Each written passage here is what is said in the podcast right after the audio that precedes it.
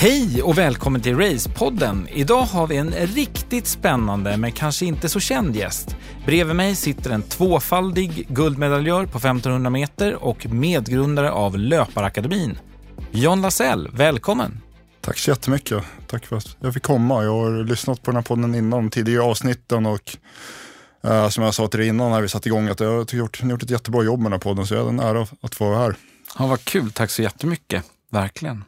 Du, eh, du kanske inte är sådär känd för den breda massan, så tänkte vi kan börja där. Vem är John Lassell?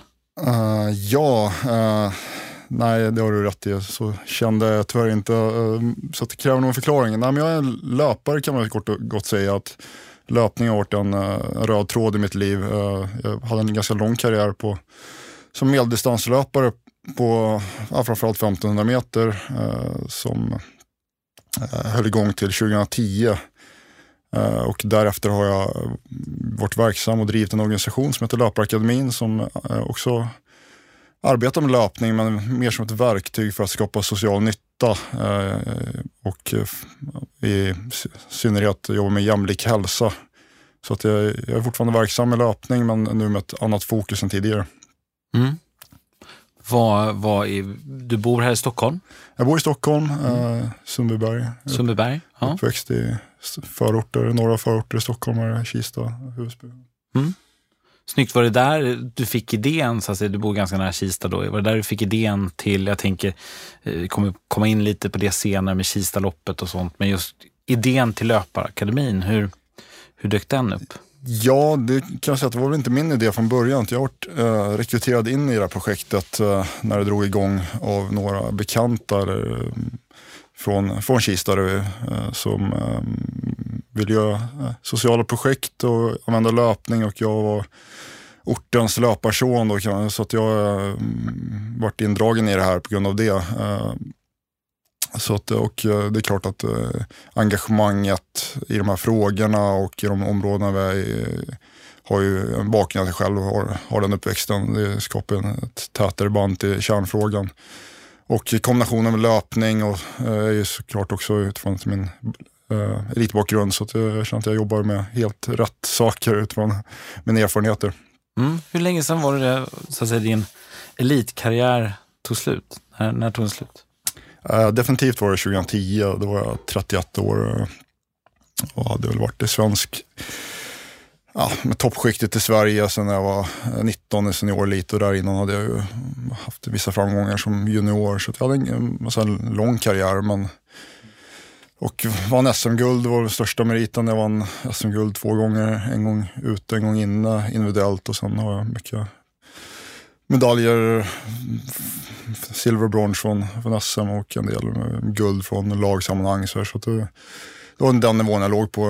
Eh, låg också som SM-medaljer. Mm. Vad den här, eh, en sak som jag tycker är väldigt spännande, lite så med drivkrafter och sådana saker. Du sprang i 1500 meter. Eh, det är ju en, en väldigt tuff distans.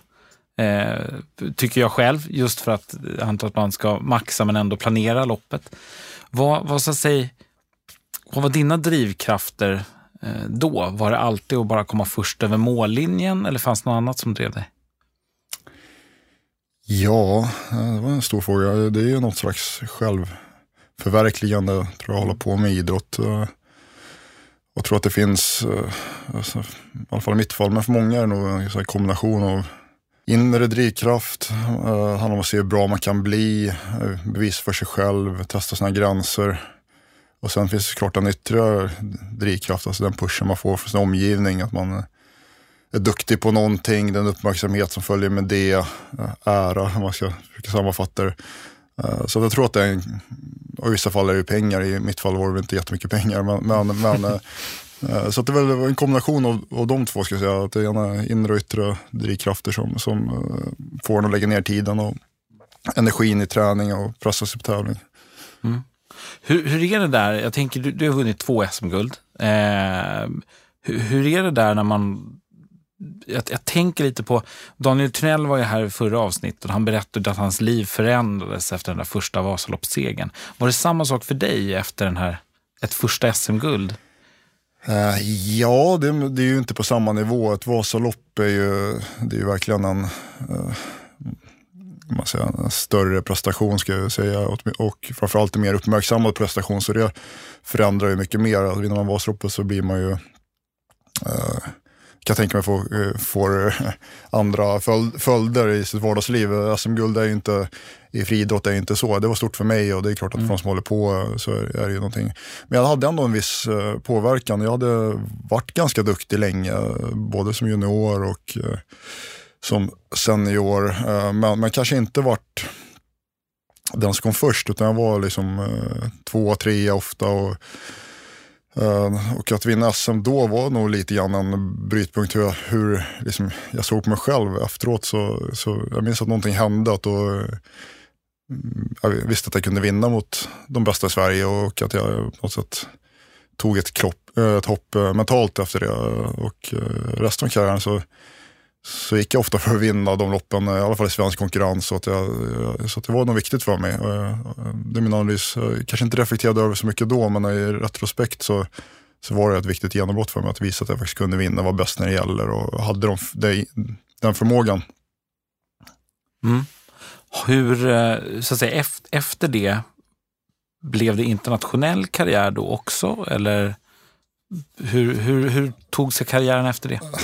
Tyvärr så blev det, det, det är en definitionsfråga. Jag sprang i landslaget i flera mm. tillfällen och tävlade ganska mycket ute i Europa.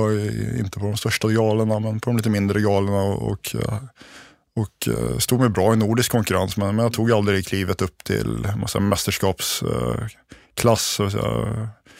VM, OS och dit kom jag aldrig. Det var ju målet men, men eh, jag lyckades aldrig riktigt ta det klivet och, lite olika anledningar. Mm. Vad, vad, var så att säga ditt stora mål, din vision med din karriär när du höll på? Liksom, vad, vad, vad siktade du på då? Det ändras ju där. Alltså när man var eh, man säger, väldigt ung eh, så, så det är klart man drömde om OS-guld och världsrekord och sånt. Och sen så ju äldre man blev, eh, blev så ju mer börjar man ju så inse att det, det är tufft. Man kanske kan komma till ett OS kanske man liksom någonstans eh, landade i när man väl sen var senior. Att man förstod mm. att jag, jag har nog inte det som krävs för att bli bäst i världen men jag kanske kan komma upp och springa mot de bästa och mer konkurrera på en, på en okej nivå. Det, liksom, det trodde jag nog på ganska länge att jag ändå hade den, det i mig att komma till, kunna vara med i VM och OS. Eh, så. Eh, men eh, eh, sen så har man ju kortare mål, man tar ju eh, ett steg i taget. och sådär. Men det är klart att drömmen fanns ju, fanns ju där länge. Liksom. Mm. Hur, hur, hur kom du liksom till sen eh, till beslutet med att, att, så att säga, lägga skorna på hyllan? Hur kom du till det beslutet? Ja, alltså det var nog en känsla att man var klar. Dels eh, så eh, det kostar ganska mycket att hålla på med en elitsatsning i, i Sverige. Eh, Eh, en sport som inte ger, ja, men, de ekonomiska vinningarna i, i, i löpning är att ja, det är inte mycket pengar i det. Det är lite pengar, man får, man får ersättning för, för mycket ut, och utlägg man har, man möjlighet att resa och man kanske får lite över. Men, men det är ju få som faktiskt kan leva på det och, och framförallt så är det svårt att jämföra med kanske en civil karriär. Så, så att, det är klart att ju äldre man blir så blir det, det ekonomiska priset man betalar större. Och mm, det blir tydligare vad, vilka andra värden man försakar i form av ja, karriär eller i vissa fall kanske även att man får eh, prioritera bort familj och äh, sådana saker. Så det, det är ju så, så att priset blir högre och man får mycket upplevelser genom idrotten, väldigt tacksam för det. Men det är klart att äh, jag kommer ihåg där när jag sprang äh, sista året eller året innan. Jag var på Karlstad GP, den så här stor friidrottstävlingsgård varje år. Uh, var det därför tionde året i rad och bodde på samma hotell. Och det blir uh, det blir déjà vu över det. Liksom man, man, man kommer till en punkt där man, uh, när man har gjort det till, för många gånger och priset blir lite för högt. skador och sånt påverkar också. Man, kroppen ja, på, från till haft ont. Så, så det var flera olika faktorer. Men jag hade, framförallt var det ju att hungern inte fanns längre. Mm. Och är man inte, har man inte hungern och motivationen då, då blir det inte bra. Och, då är det bättre att man lägger tid och energi på annat. Märker man det väldigt tydligt, tänker jag, så, så är det ett tydligt break där när man, jag förstår ju det om man är elit och att man, man ska träna så himla mycket för att liksom hålla uppe med sina konkurrenter. Men märks det tydligt det där, eller var det tydligt för dig ska jag säga, när, när det där breaket kom, när du tappade motivationen? Eller var det någonting som successivt växte på? Jag tror att det var lite successivt. Eh, det var det nog. Jag tror man kanske inte märker det. Det, det är nog olika för olika. Men, men för mig var det nog inte, det var inte helt tydligt men successivt. Jag, jag minns att jag hade så här, började reflektera över väder när man skulle ut och springa. Och det, det, det gjorde jag aldrig när jag var ung. Så då, då liksom, eh, man observerade, okej okay, det regnar, då tar på mig de här kläderna så stack man ut. Och sen minns jag sista åren att det var så ah fan det regnar. Ska jag köra ett annat pass? Ska jag köra på löpbandet istället? Man bör, och det var ju ett tecken då eh, för mig att jag, så här, hungern kanske inte riktigt finns kvar.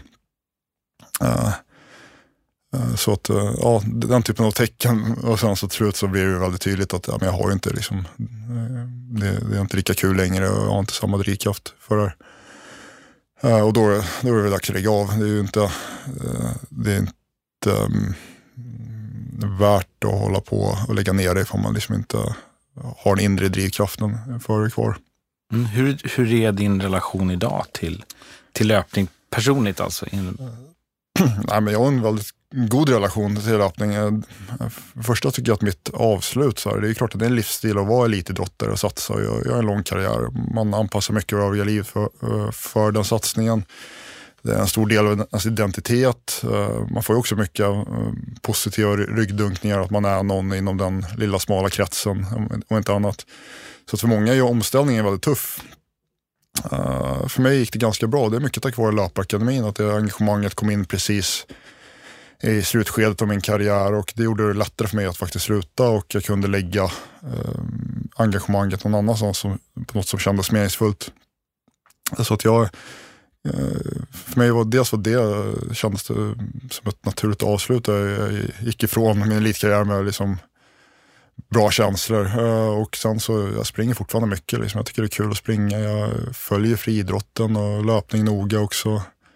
Eh, jag har kvar mycket av kontakter inom sporten. Och, och så jag har en väldigt bra relation. Men det är klart, jag, jag, jag tränar inte alls lika mycket. Jag är mycket sämre form och det, det riktiga nördandet finns inte riktigt kvar på det sättet. Men, men en stor del av mitt liv fortfarande. Mm. Om du ta en liten fundering tillbaks på din karriär. Är det SM-guldet, eller SM-gulden är ju faktiskt två stycken, som är höjdpunkterna? Hur, liksom, hur skulle du beskriva den största höjdpunkt, eller är det någonting annat? Från din elitkarriär alltså? Ja, det skulle jag nog kanske ändå säga att mitt första SM-guld uh, var nog någon höjdpunkt. Eh, så det, det är nog den. Sen finns det så minnen man har haft som var kanske mer kopplat med träningar, träningsläger man varit på, mycket sådana starka minnen. Men rent prestationsmässigt så är det SM-guldet som jag skulle säga var det, var det bästa jag gjorde. Ja, det, så får det nog bli. Ja. Mm. Var, var det, enligt dig själv, var det det perfekta loppet eller hur kändes det rent för dig? Kroppsligt och uppläggsmässigt? Ja, men det var det nog. Jag, jag, hade, jag var i otroligt bra form. Eh, och att jag faktiskt vågade springa för att vinna. Och att jag faktiskt gjorde det. Jag lyckades hålla nerverna i taktiken i schack. Så jag optimerade nog väldigt mycket av det jag hade i mig på det loppet. Eh, så, och eh, jag fick ihop alla bitarna. Det, var, det är inte så himla lätt. Alltså, så man, så här, det är inte så många tillfällen man faktiskt fått att stämma på det sättet. Uh, jag fick nog aldrig riktigt det att stämma på det sättet i ett snabbt lopp. Eh, jag känner att mina personbästa, det är vad de är. Men, men jag, ibland har man sett att folk sprungit väldigt bra tid och fått till liksom allting i ett lopp. Så jag har fått ut allt. Eh, då känner jag kanske inte att jag har fått, men däremot så vet jag det som där. Då, då, då fick jag ut väldigt mycket av det jag hade just då. Mm. Och hur uppläggningsmässigt där med träning och sånt där, hade du ändrat någonting tills då eller var det mer Ja, men det är inte sånt att prata träning. Det gör jag inte så ofta längre. Nej. Så det är kul. Nej, jo men det hade jag gjort. Alltså, jag, jag, jag höll på så länge så jag tränade på olika sätt under min, min karriär. Från början sprang jag väldigt mycket, även 800 meter och kom lite mer. Men den kombinationen 8-1500 meter och då är det ju eh, Eh, ändå en del fokus på snabbhet och eh, och en del på mjölksyra och, och eh, de egenskaperna som man tränar på. Eh, och men såklart även uthållighet. Men inför det året när jag vann SM-guld och fick jag kanske ett litet genombrott som senior. Då, då valde jag att bara satsa på uthålligheten. Att jag tog bort mycket av den andra träningen under grund, framförallt under höst och vinter och byggde uthålligheten. Eh, och jag kände att det, det upplägget föll väldigt väl ut. Jag hade en väldigt bra säsong. Eh, så att, ehm, ja, det var nog eh, att jag tränade bättre, jag tränade mer rätt. Det, det är någonting man lärt sig och jag ser också hur de tränar idag. Att det, det är väldigt svårt att kombinera olika typer av system. Att träna för parallellt utveckla snabbhet, uthållighet. Och, alltså det är väldigt lätt att man blir övertränad och sliten av det och inte får utveckling. Och så hade det nog varit åren innan där, att jag hade tränade hårt men jag, jag ville träna på allt. Eh, och sen valde jag liksom att, nej men nu, jag har den snabbhet jag har, jag behöver bara underhålla den, nu måste jag få upp uthålligheten här och fokusera på det. Och eh, då fick jag bra resultat av den träningen. Eh, och det är lite så jag ser att de tränar mycket idag. Idag är det nog mer vedertaget. De flesta som är bra i Sverige i alla fall tränar mer, liksom, man, man jobbar med uthålligheten mer och, och mer underhållstränar de andra egenskaperna. Eh, och, och kanske nu vår och sommar tränar upp lite mer mjölksyreträning och snabbhet. Men på min tid var det inte lika självklart. Det var många som tränade annorlunda. Så, så eh, ja, lång utläggning men absolut. Mm. Alltså det är det som är meningen. Det är det som är ja, man tänker mycket. Det är klart man, ja. man är så här, i bakspegeln tänker kunna göra någonting annorlunda, träna rätt och, och sådär.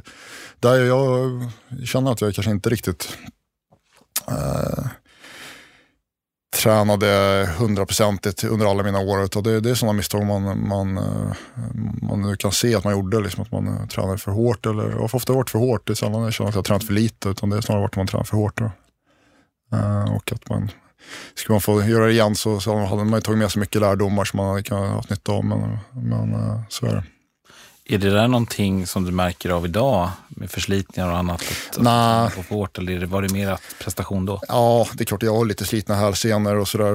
Eh, som eh, krigsskador från mina år som elitaktiv och spikskor och sådär. Men, men det eh, jag känner mig ändå ganska välbehållande. Jag har inte några stora skador som jag har hindrat mig idag. Så, det är inte det, utan det är mer så att hur, hur kunde jag optimera min talang och Uh, och um, sådana funderingar man har. Inte på ett bittert sätt, utan jag är väldigt stolt och glad över det jag åstadkommit. Och sådär. Men, men är, jag är intresserad av träning och löpning och jag har analytiskt lagd, så det är klart man, man, man ibland tänker på det. Inte varje dag, absolut inte. Men, men uh, jag tycker det är också väldigt roligt att se hur bra det går för svenska löpare nu. Uh, framförallt med Kalle Berglund nu senast. Och, och ser, följer ändå lite grann hur de tränar och, och Uh, Eh, jag tror att det, man tränar lite bättre nu helt enkelt. Att det, många på min tid tränar lite för hårt. Liksom. Uh, sprang intervallerna lite för fort. Och, kanske tränade ungefär samma saker men man gjorde det lite för intensivt istället för att liksom, uh, hålla sig inom uh, rätt mjölksyregränser. Så.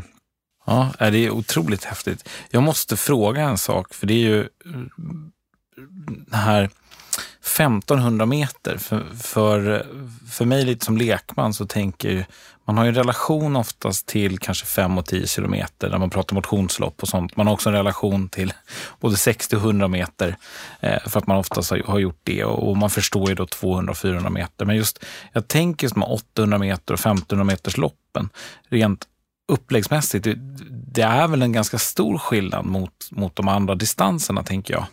Eh, spontant, är det så?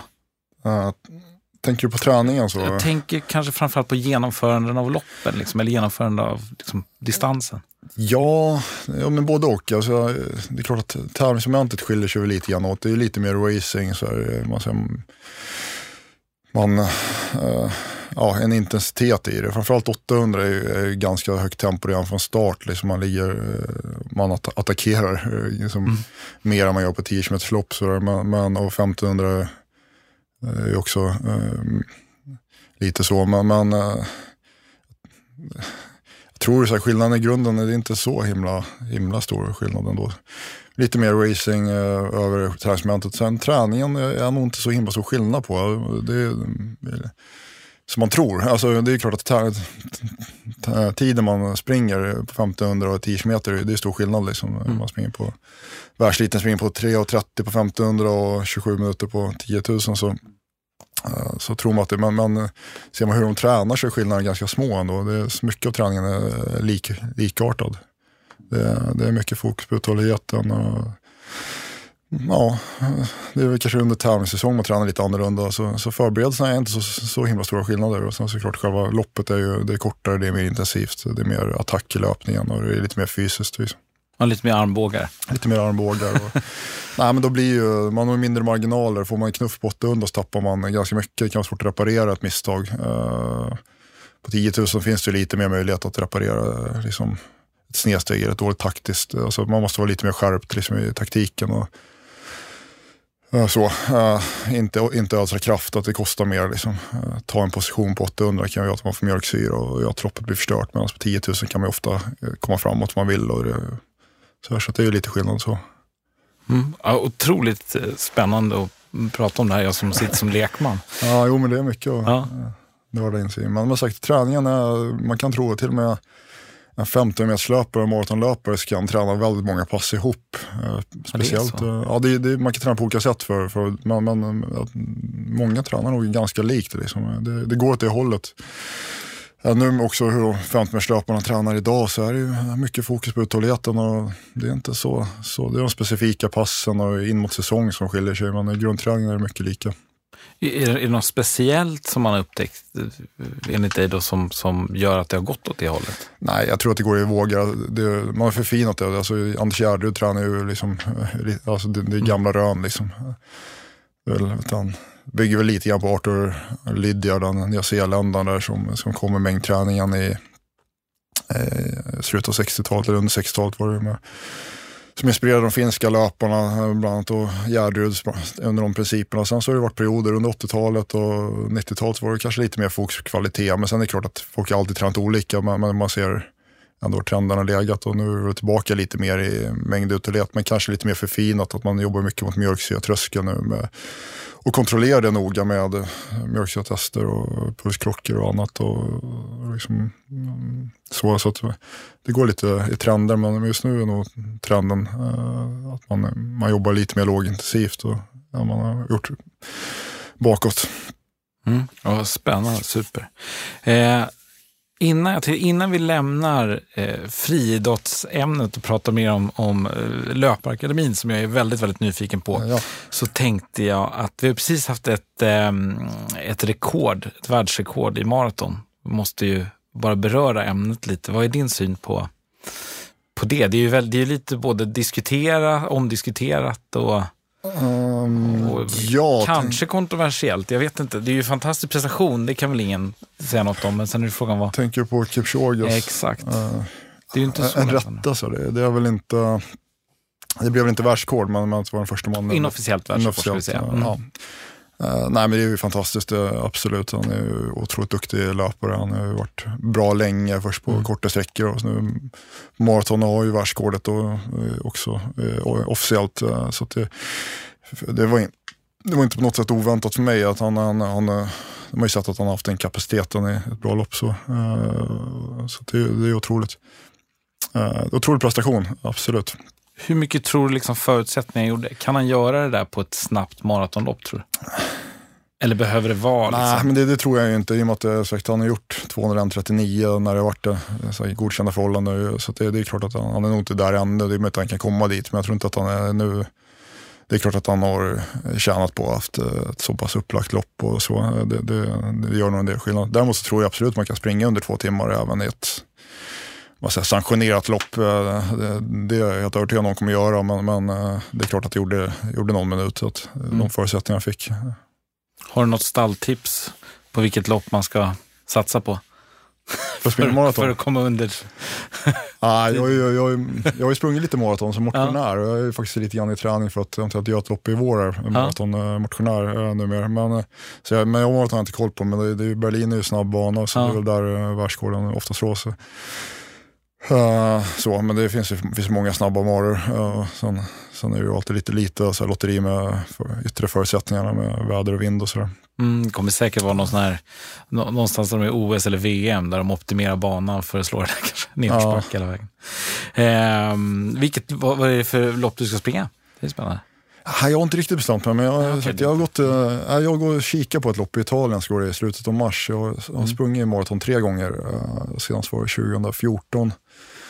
Så det gjorde jag som motionär efter min, min elitkarriär. Uh, sen har jag haft några år jag inte uh, tränat lite sämre och inte haft något så tydligt mål. Men jag har känt att jag saknat det lite grann och har någonting att träna för. Och maraton är ju, tycker jag är fascinerande för att det är det, är det är inte racing på det sättet, det är en mer utdragen process. men, men däremot så tycker jag att det, där är ju, genomföra är en prestation. Det är ju inte på 1500 och där är ju så här, det är tiden bara. Liksom alla kan ju springa 1500. Det, maraton är ju perioder i de lopp jag har sprungit har ju liksom gått och funderat, kommer jag ens komma i mål? Man är så trött och man får kämpa med sig själv väldigt mycket och det, det är något kittlande över det. Eh, och sen för min del så har jag inte lika tydliga referenser från, från tidigare så att jag, det är mer motiverande för mig att ja, jobba mot ett mål på maraton än kanske 10 kilometer. Som jag, jag inte tävlade flitigt på 10 kilometer så har man ju ändå referenser från det. Och, eh, man jämför sig med gamla tider och gammal kapacitet och sådär. Eh, I och med att man blir lite sämre varje år så är det inte det så himla roligt. Men maraton känns som att jag ändå, där har jag lite ny mark och, och, och uh, ta. Så att, uh, vi får se, men uh, hoppas på det. Det handlar bara om att få till, få till träningen. Så att jag, familjefar och man jobbar mycket och ja, livspusslet. det lilla livspusslet. Vad, är det, det är maraton, satsar du på? Är det någon, någon annan motionssport eller motionsdel inom löpning kanske som du är sugen på att testa eller har testat mycket sen karriären? Nej, utan jag... Nej, men det är nog maraton som jag just nu går och funderar på. Men sen skulle jag nog vilja springa kanske lite mer sån här, jag har någon tanke om att försöka göra en liksom, satsning och ta i men ändå försöka göra en maraton med lite, lite fokus på den och försöka göra en bra tid mm. utifrån där jag är nu. Uh, och sen kanske bli upp, upplevelselöpare och då kanske springa lopp mer utifrån uh, andra upplevelser. Då skulle det vara intressant att springa så här fjälllopp och den typen av lopp uh, där tids uh, liksom, mm, jämförelserna inte är uh, alltså skarpa utan det kanske mer handlar om att njuta av naturen och upplevelsen. uh, så vi får se, men uh, nu ska jag försöka ta ett maraton först. Här. Ja, vad spännande, vi får göra en uppföljning sen när du har valt, både valt ut och genomfört loppet så får vi se hur det gick. Ja. Ja det kan bli en smärtsam historia, det, ja. det, det, det brukar ofta vara så. Ja, fantastiskt. Jo, jag tänkte så här, nu ska vi prata lite mer om Löpakademin. Eh, och jag drog ner visionen, eller i alla fall det som står på er hemsida där.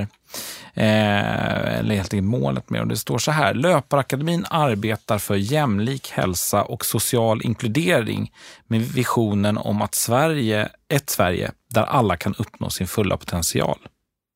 Kan du kort beskriva lite mer? Vad är Löparakademin?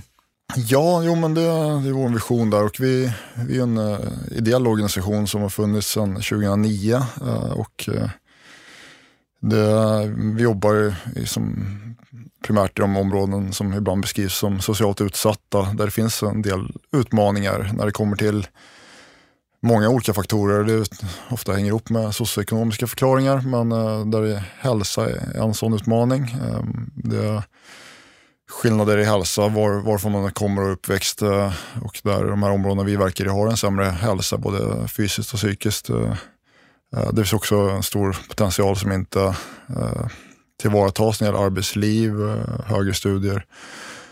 Uh, och att det finns bland de som bor där ibland en känsla av utanförskap. Uh, så att det är väl lite av de bakgrunden till vår verksamhet. Att det finns en del utmaningar och vi uh, vill genom vår verksamhet vara med och uh, bidra positivt. och vi gör det på lite olika sätt. Vi bland annat våra stora verksamheter, det vi gör med ungdomar. Vi har program ute i i år har vi 20 olika områden som vi har verksamheter i. Eh, där vi jobbar mot, mot högstadieungdomar och eh, har ett program där de springer och tränar med eh, ledare, eh, vuxna och eh, där vi genom löpning och träning vill eh, stärka ungdomarnas självförtroende, sin tro på sin egna förmåga. Vill vi ge dem verktyg hur man kan jobba mål, målstyrt, både med sin träning men också att det ska vara överförbart till andra delar av livet. Eh, och sen så även vara en, en kraft som eh, ja, aktiverar människor i hälsa och får in får ungdomarna att upptäcka träning och skapa eh, sunda motionsvanor framåt. Så den verksamheten engagerar ungefär 400 ungdomar årligen. Och det kompletterar vi med att även jobba med evenemang i förorten där vi på mer massa, bredd, på en, har en större bredd att engagera folk i hälsa. Eh, vi har Skärmsroppet och Kistroppet som vi arrangerar årligen där vi äh, har klasser från de äldsta till de yngsta och där vi vill eh, påverka folkhälsan helt enkelt. Och äh, det som kännetecknar båda de här verksamheterna att vi jobbar med låga trösklar. Det ska vara enkelt att vara med och det ska vara tillgängligt för alla och vi, vi vill nå de eh, målgrupper som kanske andra organisationer eller eh, kommuner och, och andra aktörer har svår, svårt att nå. Och där behoven kanske är som är störst. Just det. Hur, jag antar att du har jobbat med det här då mm. och en stund. Båda loppen, till exempel om vi pratar de två loppen, så är ju de gratis, eller hur, att delta i? ja, för deltagarna? Precis, det, vi, har, eh, vi har haft eh, ett gratis deltagande för, för barn till, eh, sen vi startade. Mm.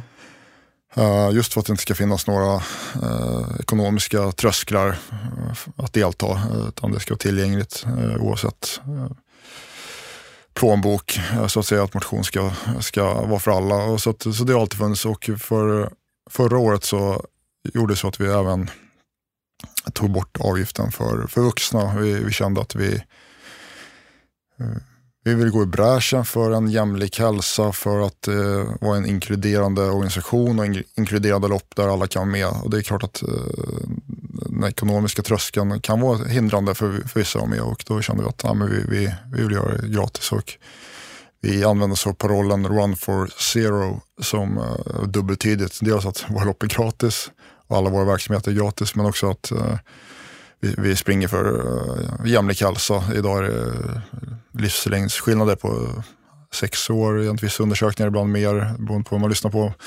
Beroende på vilka områden man kommer ifrån och vi vill att, vi tror att det är liksom, vi vill att det ska minska helt enkelt, att alla ska ha rätt till god hälsa. Oj, ja. Sex år säger du? Uh, Mellan olika ja, stadsdelar kanske? Ja, ja, precis.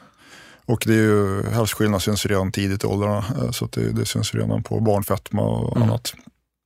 Eh, så då, då tror man, vi tror att lösningen är att man måste titta på vad som gör att folk inte motionerar. Och det finns olika faktorer till det. Det ena är ekonomin, det har vi tagit bort. Det andra är lite hur man jobbar med rekrytering, marknadsföring. Eh, och sen så själva närvaron, det är ju att göra saker i, i de här områdena. Eh, är viktigt bara, bara det. Liksom. Sen så att man också kan titta på hur man gör det för att nå så många som möjligt och framförallt nå de som annars inte skulle vara med. Och det tycker jag vi har varit duktiga på det. Eh, tycker jag. Och ja, det, jag tycker vårt sätt vårt, visst det var framgångsrikt. Att vi lyckas nå väldigt mycket människor som annars inte idrottar och motionerar. Är, är de här loppen är de väldigt lokala eller är det så? Hur, hur upplever du dem? Det är ju ganska stora lopp båda två. Både... Ja, nej, men det är både, det är både och. Alltså, det är så här, vi, vi, jobbar mycket med det lokala och framförallt när det gäller barn och ungdomar så, så gör vi väldigt aktiv rekrytering för att få med alla barn eh, i det här. Eh, varit lyckosamma både i Skärholmen och Kista med att, eh, med att göra det. Men vi lägger ner mycket tid på det också. Eh, men sen så har vi ju löpare från hela Stockholm och även utanför Stockholm. Så det är lopp som är öppna för alla och vi är väldigt stolta över att vi verkligen har en bredd i loppen. Vi har mycket duktiga, duktiga löpare som springer loppen också. Så det, det är ju professionella arrangemang, kontrollmätta banor och eltidtagning och medaljer och som riktiga produktioner. Så det är inget, så här, bara för att det är gratis så är inte kvaliteten lägre utan det är, det är väldigt eh, toppkvalitet på loppen och vi har nu i Kisteloppet som gick i september så var det ju Robin Sia som vann och David Nilsson som var tvåa och uh, helgen efter i herrklassen då. Uh, och uh, helgen efter så vann ju Robin Lidingöloppet och David sprang på 2.11 på maraton. Så att vi, klassen på loppen är bra, så vi har ju verkligen en, bredd i det. Men, men vårt fokus där vi lägger hjärta och engagemang i att aktivera dem som kanske inte skulle sprungit annars helt enkelt. Mm. Hur, hur, svåra, så att säga, hur, du, du pratar om ekonomiska barriärer. Mm. Det är fantastiskt att de de är borta. De andra bitarna då, som är liksom att få, få de här utsatta grupperna faktiskt komma till eventen. Jag kan tänka mig att det måste vara en jätteutmaning om inte den naturliga dragningskraften finns där. Jag tänker ja, ja, ja, absolut. Mm. Och, och, och uh, nu vill jag säga, det kanske inte bara gäller utsatt grupp, det gäller kanske generellt att det är en grupp människor, en stor ja, grupp människor folk som, som kanske inte, det är klart att folk som inte har ett tidigare intresse eller en vana av att uh, motionera eller vara med i ett motionsevenemang eller vara med i en träningsverksamhet uh, är ju svårare att nå än de som, inte, som är redan är inne i verksamheten. Och ser man till de områden vi verkar i så, så, så, kan, så är föreningstraditionen inte lika stark. Eller eh, löp, alltså springa lopp, den motionsvågen som finns i kanske mer medelklassområden mm. som vi sett väldigt starkt de sista tio åren, den, den är inte lika stark där. Så många kanske inte ens vet om att det finns lopp. Eh, de kanske aldrig sprungit förr, de är inte bekanta med det och då är det klart att då är steget eh, längre att de verkligen ska springa det. Så att vi, det vi gör det är um, vi åker runt i alla skolklasser i hela eh, våra upptagningsområden och personligen introducerar och pratar om det med, med eleverna själva. Uh, och, och, på ett säljande sätt, alltså ett intresseväckande sätt ska jag säga. Så att, uh, och man märker framförallt för barn och unga så finns inte, alltså får de reda på det på rätt sätt och på rätt kanaler så är de intresserade. Det är inte, det är inte svårare än så. Uh, men, men det, det många gör det är att man kanske nöjer sig med att ha en affisch någonstans eller går igenom idrottsföreningar och, och så man talar till de redan frälsta och då sagt når ofta informationen inte ner hela vägen eller så når den inte fram på rätt sätt. Man, eh, så så att jag, jag tror att man vi, vår styrka har varit att vi har lyckats kommunicera på rätt sätt och vi har tagit bort tröskeln och gjort det enkelt för, för målgrupperna att vara med. Och, och att eh, då, då märker jag att det finns ett stort intresse. Mm. Ja, det är otroligt häftigt förutom jobbet med, med akademin, mm. eh, där det här tio veckors programmet som jag mm. förstår, det var det du nämnde förut, ja. mm, och även Kista och Skärholmsloppet ja. eh, ingår, så jobbar ni också med, med Söderrunt, eller hur? Som är ett, som man kallar det, ett, ett lopp ja, lite vid sidan av. Ja, precis. Uh, jo, men det är ett lopp vi också gör.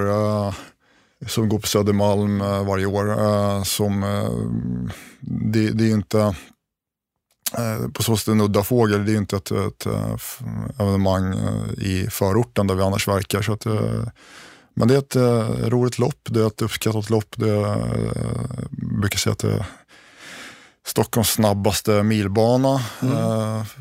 Och, jämfört med Kungsholmen runt ja, som är Det är många, det är många som har anspråk på det, ja. både Hässelbyloppet och Kungsholmen runt. Och, mm.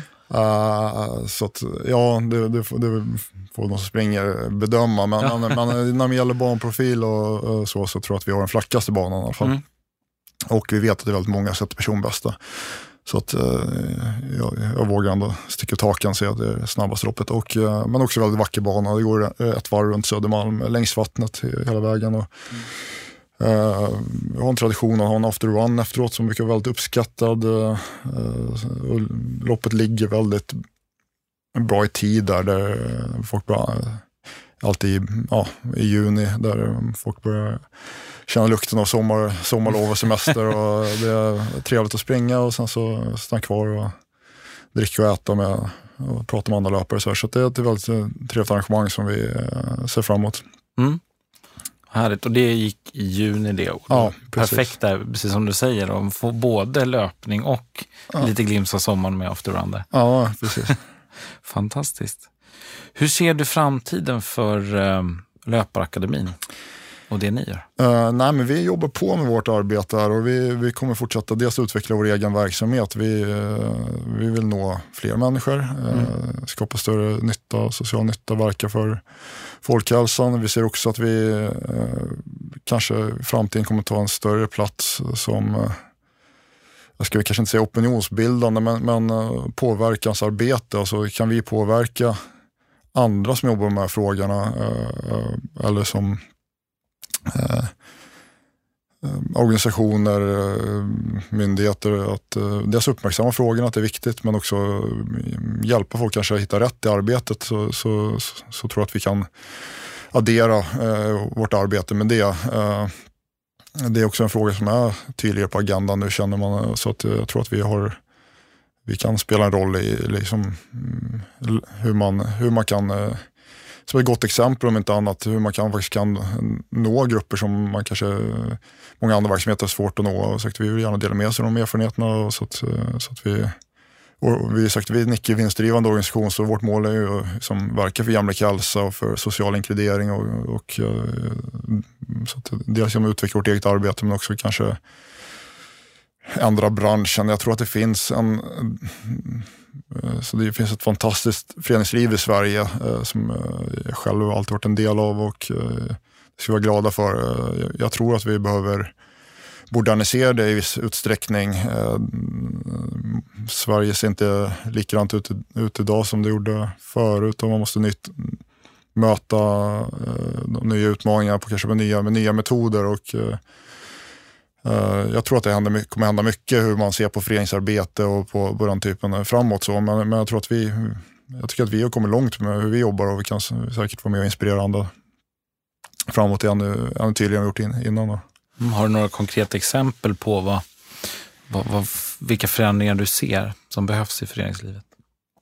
jag tror man måste titta, det är det som, som man nämnde lite innan där, att man, man det, det, finns flera olika. Dels att det, att, att det finns en brist på verksamheter eh, kanske eh, i vissa områden. Det, det i sig är ju problematiskt. Eh, Men sen så också kanske lite grann, det är lätt att man hamnar i eh, samma kanske kommunikation och man, alltså man, jobbar på samma sätt som man alltid gjort och sen så världen utanför förändras och helt plötsligt så, så är det massa människor som, är, som inte kommer med på tåget.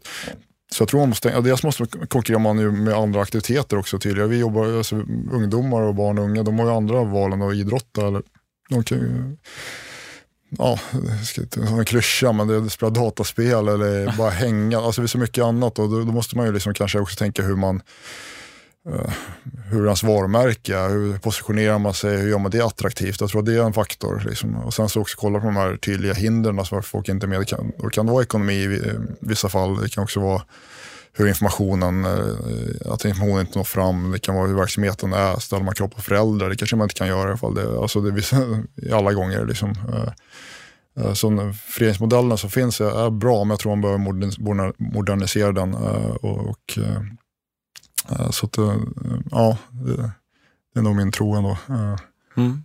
Tror du att föreningsmodellen har en, en framtid i Sverige om den inte genomgår förändring? Jo, det tror jag, men, men det ska vara en bred folkrörelse på något sätt. Det tycker jag är det fina i det, att alla ska kunna få vara med. Och, och ska det fortfarande vara så, då måste man nog liksom också titta på hur man kan få med alla. Annars risk att det blir en, liksom en angelägenhet för, för de redan frälsta och det vore synd. Liksom. Det är sån kraft i idrotten. Såklart för hälsofrågor, det är ju väldigt tydligt, men, men också för andra saker, för integration och för, eh, för andra positiva samhällseffekter. Jag tror att, eh, att eh, verkligen att idrotten kan vara en viktig samhällspelare även framåt. Men jag tror att det krävs att man behöver också då som utvecklas och, i takt med tiden. Så. Mm. Vad, um, om du får vara lite visionär då, eller visionär, lite drömmande så kan vi säga. Eh, vad, vad, skulle din dröm vara för Löparakademin? Liksom, vad, vad, vad skulle vara ett drömscenario att ni, att ni skulle lyckas med? Ni har ju ett väldigt, väldigt nobelt syfte med din verksamhet. Det skulle vara kul att höra liksom, vad är drömmen? ja. Om du får drömma loss. Alltså man jobbar mycket med det dagliga och får dagen att gå runt och det, eh, det handlar om att få finansiering för verksamheten. Så, så man, man, eh, det är inte så ofta man eh, får ta, tar sig tid att drömma, men det är klart att det, alltså det ena är att jag vet att vi är väldigt stor skillnad med våra verksamheter och det, det är det som något som motiverar en och det vill vi fortsätta göra och kan vi göra ännu mer så, så är det klart fantastiskt. Och, så, men det är klart att kan man, kan man verkligen vara med och, och göra systemförändrande skillnader, hur man jobbar med de här frågorna och liksom skapa en, en sån förändring så vore det fantastiskt. Eh, eh, det skulle kunna, eh, liksom, ja, det skulle, då skulle vår impact bli såklart mycket större och jag tror att det skulle vara till gagn för samhället. Så det är en, en sån sak som jag på något sätt ändå kämpar för och drömmer om. Ehm, men annars jag vet inte. Det, alltså vi, vi jobbar ju på och sagt, vi har ju mål, vi har treårsmål och femårsmål och sådär. Men, men drömma, det känns så stort. Jag suger lite grann på det. Ja. Ni finns i Stockholm idag? Vi finns i Stockholm, vi finns i Göteborg, Göteborg också. Malmö och mm. Uppsala. Ja, Malmö, Uppsala. Mm. Uh, Har ni planer på att expandera? Ja, jo, men det, det finns också. Så det, det kan man väl säga, det är väl en vision att vi ska finnas tillgänglig för hela Sverige på ett eller annat sätt. Mm. Så, så det ligger ju liksom i ett framtidsscenario. Och nu är vi i Stockholm klart starka, så vi, vi, har ju, vi finns i de andra städerna, men eh, första steget är kanske att utveckla oss ännu mer där i Göteborg, Malmö, Uppsala. Och få en ännu bredare verksamhet där, men sen också titta på eh, vi är inte i Norrland ännu till exempel. Är klart, det finns många ställen vi inte är på där, där det finns ett behov. Så att, eh, absolut vill vi expandera. Mm. Hur, hur, många är ni idag som jobbar med det? Uh, det är lite på hur man räknar. Vi är väl en Eh, Eh, vi är väl fyra stycken som jobbar med det eh, i dagliga verksamheten. Så, sen har vi en del arvoderade personal eh, på olika funktioner, både på loppen och på våra ungdomsprogram.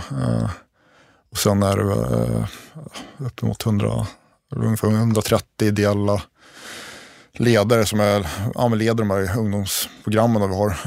Och, så att det är väl ungefär så. Anställda, arvoderade och som, men den stora kraften ligger i det ideella engagemanget. Mm. Vi har, vi har ju det här tio veckors programmet. Jag tänkte ja. faktiskt, jag läste själv lite om det nu mm. för första gången mm. innan den här mm. eh, podden. Jag tänkte att vi skulle lyfta den lite här också. Mm. För det, det, är ju så att, som jag förstår, att ni även söker eh, ledare eh, som, som kan hjälpa till. Vi har ju många duktiga som lyssnar på den här podden som kanske kan bli inspirerade till att hjälpa eh, barn och ungdomar i de här områdena också. Vad, vad är det så att säga ni letar efter där? Vad är ni behöver hjälp med där? Kan man hjälpa till? Ja, absolut. Vi har ju behov av alltid behov av folk som vill engagera sig. Eh, och, eh, nej, men vi, det är alltså ett, ett ärligt och engagemang, det är väl det viktigaste man vill. Och, och, och vi ställer ganska lite krav på vad säger, eh, löparkompetens, för det är inte det som är liksom kärnan i vårt... Alltså det, är, det är verktyget, men, men vi, vi värdesätter mer än ett bra engagemang och en omtanke än, ett, en tydlig liksom, kompetens inom löpning. Det behövs också, men, men många av våra ledare har inte den bakgrunden. Utan man vill göra en social insats, man kanske själv vill komma i form. Det finns ett värde att ha en ganska blandad ledargrupp. För, för sagt, majoriteten av de som är i våra program har inte sprungit och tränat tidigare. Eh, så det kan finnas det finns styrka med att göra det tillsammans med ledarna. Så, att, så att vi har inga krav så med att vara duktig på att springa eller så. Utan det, det handlar om att man vill och att man uh, har möjlighet att lägga ner den tiden som krävs. Och sen så utbildar vi och, och uh, de, våra ledare. Och då lägger vi mycket fokus på ledarskapet och inkluderande, inkluderande ledarskapet. Att, viktigt att se alla ungdomar och, och uh, bygga gemenskap och tillit. Så att fokuset ligger på det. Mm. Och vad, är, det man faktiskt gör i, de här, i programmet? Uh, när man tränar, uh, bland annat. Uh, mm. så att, nej, men, konceptet är så att man i slutet av varje program så springer ungdomarna 10 kilometer och sagt, majoriteten av som är har ju kanske sprungit i bussen innan. Det är, det är folk som är, inte är tränare, framförallt inte, kanske inte löptränare. Så att för dem är det en otrolig utmaning att liksom, komma i form på tio veckor för att göra det här. Men då får de stöd av eh, ledare som blir som mentorer under programmets gång. Och, eh, man tränar ihop två gånger i veckan. Eh, man tränar själv kanske en gång i veckan på egen hand. Eh, och då får man hjälp med träningen, eh, pepp och eh, push i det. Eh, man får sätta upp mål för det här loppet, delmål, lära sig metoder hur man kan jobba med. Och vi jobbar mycket med smarta mål. Då. Och sen har vi workshops där vi mer teoretiskt eh, angriper eh, målinriktad träning och också kopplar ihop det med andra delar i livet. Eh, det som är tacksamt med löpningen är att det är väldigt mätbart så att, och man ser förbättringarna snabbt. Men så är det med allt annat också, lägger man ner tid på någonting så blir man ju bättre. Och, det är väl, och ofta kan man mer än man, man tror och det är väl den poletten vill att ungdomarna ska, ska trilla ner. Att de, de har mycket i sig ifall de eh, tränar och, och uh, lägger ner tid på någonting så kommer de att se förbättring och uh, de kan mer än de kanske tror själva. Mm. Ja, häftigt. häftigt. Det är verkligen en häftig resa ni, ni har hållit på med ett tag och, och fortsätter och, och hjälper till verkligen. Eh, jag tänkte att vi skulle börja runda av Ja, podden. Eh, vi har suttit och snackat ganska länge nu, vilket är väldigt trevligt. verkligen. Ja, men jag har en sista fråga och det är, vad gör du själv om tio år? Vad ser du själv då? Fan, du är 50 gammal. Ja. Uh, nej, men Sprungit jag, maraton, du är då- uppe vid fjällmara kanske? då, då, nej, men jag ser mig själv vara engagerad eh, i, i idrottsrörelsen på något sätt. Eh, det är inte säkert att jag är kvar i- på löparakademin. Det, det, det är långt, för Ja, långt är framåt. eh, så, men, jag ser att jag, jag, jag brinner för löpning, jag brinner av sociala frågor och att jag kommer att ha ett engagemang eh, i, där på något sätt. Det, det ser jag absolut att jag kommer att ha. Eh, jag ser också att jag fortsätter träna själv, att jag håller mig i, i form. Eh, jag är i grunden sugen på att köra lite mer skidor. Jag tycker det är himla roligt att skulle Mm. köra Vasaloppet. Det är lite mer tidskrävande än löpning, men å andra sidan så är det lite mer skonsamt. Så jag tänker att med ålder så kanske det att, att ja, det, kanske att det är lättare att uh, köra Vasaloppet när man är 50 än, än uh, maraton. Så jag tänker att jag kör maraton nu och sen så kanske mer och mer kör lite mer skidor. Så, Ja. Uh, så, så det är lite så. Man, man, um, jag tycker det är väldigt svårt, tio år. Vet du det. Ja, samtidigt, det var tio år sedan vi eh, Löparkemin startade så att det, det har gått jävla fort. Så att det, startar man där. Uh, ja. Ja, häftigt. Ja. Stort, stort tack John för att du kom eh, till Racepodden. ja, tack Erik. Tack Ja. komma. Ja. Verkligen spännande. Så får vi följa upp det där med, med maratonsatsningen sen vid ett senare tillfälle. Ja, får göra det. Ja, härligt. Ja. Tack så mycket hörni alla som lyssnar och eh, håll utkik efter eh, nästa Racepodd som kommer under senhösten. Ha det gott!